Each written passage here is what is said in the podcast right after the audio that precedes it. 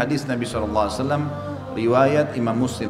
Umar bin Khattab radhiyallahu anhu menceritakan sabda Nabi SAW, "Ma minkum min ahadin yatawadda'u fayusbighul wudu'a thumma yaqul asyhadu an la ilaha illallah wahdahu la syarika lah wa asyhadu anna Muhammadan abduhu wa rasuluh illa futihat lahu abwabul jannati tsamaniyah yadkhulu min ayyaha sya' Tidak ada seorang pun dari kalian beruduk lalu menyempurnakan uduknya. Kemudian mengucapkan asyhadu an la ilaha illallah wahdahu la syarikalah wa asyhadu anna muhammadan abduhu wa rasuluh. Aku bersaksi bahwasanya tidak ada Tuhan yang paling berhak disembah diibadahi kecuali Allah dan tidak ada sekutu baginya. Dan aku bersaksi bahwasanya Muhammad benar-benar hamba dan utusannya melainkan dibukakan baginya delapan pintu surga ia dapat memasukinya dari mana saja ia suka. Apa ini? Wudu, wudu, hanya wudu. Wudu terus syahadat. Kenapa malas wudu? Ini yang masih malas wudu kalau mau tidur nih. Siapa ini? Hah? Kenapa malas wudu mau tidur? Wudu. Nabi SAW suruh. Dalam sebuah hadis dikatakan, kalau seseorang hamba tidur dalam keadaan bersuci, wudu, maka Allah akan titipkan bersamanya malaikat di ranjangnya. Yang setiap kali dia bergerak malaikat itu mengatakan ya Allah ampunilah dia. Balik kiri kanan lagi tidur kita nggak sadar malaikat minta ya Allah ampuni ya Allah rahmati. Dan Allah akan mudahkan dia kalau mau tidur kalau tidur wudhu itu mau bangun sholat malam Allah bangunin mau bangun sholat subuh Allah bangunin. Kenapa nggak mau wudhu nih? Kenapa malas wudhu? Wudhu ini kalau disempurnakan, disempurnakan, diikuti dengan syahadat saja habis itu, masuk dari delapan pintu surga yang mana dia mau. Berapa menit tuh itu? Balasannya bisa pilih pintu surga. Ya Allah yang ke delapan deh saya mau masuk nanti di akhirat. Hanya wudhu.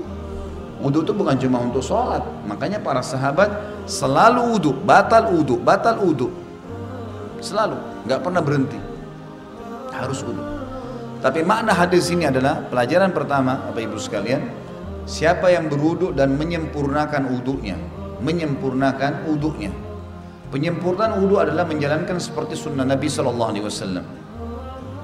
Ingat, yang paling pertama niat dalam hati mau uduk karena Allah perintahkan. Yang kedua, harus harus minimal tempat yang paling ya, tempat yang paling standar minimal ya. Seperti misal wudhu itu pergelangan tangan yang diperintahkan. Ini pergelangan tangan.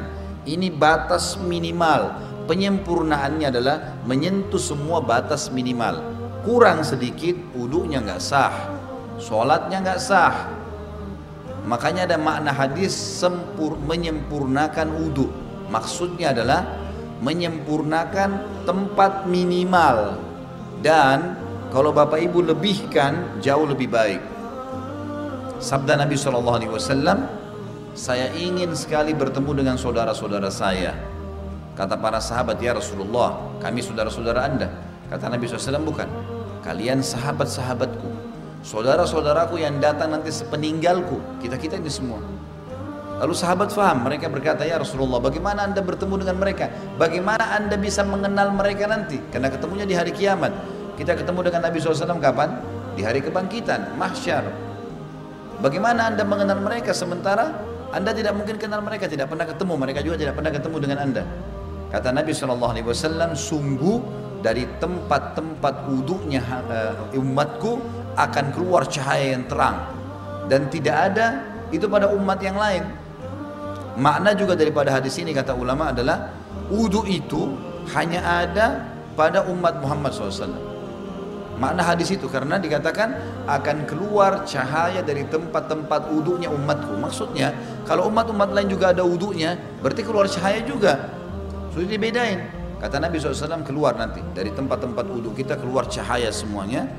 Dan bukankah seseorang yang memiliki kuda-kuda yang banyak bisa membedakan antara kuda-kuda itu bila ada kuda yang keempat kakinya berbulu warna putih warna apa pun badannya tapi keempat kakinya itu berwarna ada atau ada bulu putihnya.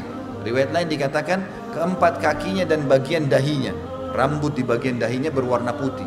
Pasti bisa dibedakan, oh ini kuda lain, karena warnanya kombinasi putih sama yang lainnya. Maka begitu pula saya akan membedakan umatku. Dalam riwayat lain, riwayat Sahih, riwayat Bukhari juga, siapa eh, kata Nabi SAW, eh, maaf lanjutan hadis tadi, dan siapa yang bisa memanjangkan jamahan uduknya supaya cahayanya memanjang maka lakukanlah. Disunahkan lebihan, misal minimal tadi pergelangan, lebihkan. Ini minimal wajah seperti ini maka dilebihkan sampai di bawah dagu. Kemudian uh, siku. Ini batas minimal. Lebihkan sampai di lengan. Batas minimal kaki mata kaki. Lebihkan sampai ke betis gitu kan. Dan boleh wudhu. Pada saat orang lagi mandi di kamar mandi tidak pakai pakaian boleh asal bukan di tempat umum insya Allah nggak apa-apa lah iya kamar mandi kita sendiri ada pintunya tertutup nggak ada masalah karena pernah ada yang bilang gitu Ustadz boleh nggak saya wudhu sementara saya mandi atau saya harus tutup dengan sarung atau handuk kalau sendirian nggak ada masalah ada larangan di situ. Nah kita boleh. Nah pada saat itu justru kesempatan melebihkan siku bisa dilebihkan, lut mata kaki bisa dilebihkan, kan bisa dilebihkan gitu kan kesempatan pada saat itu.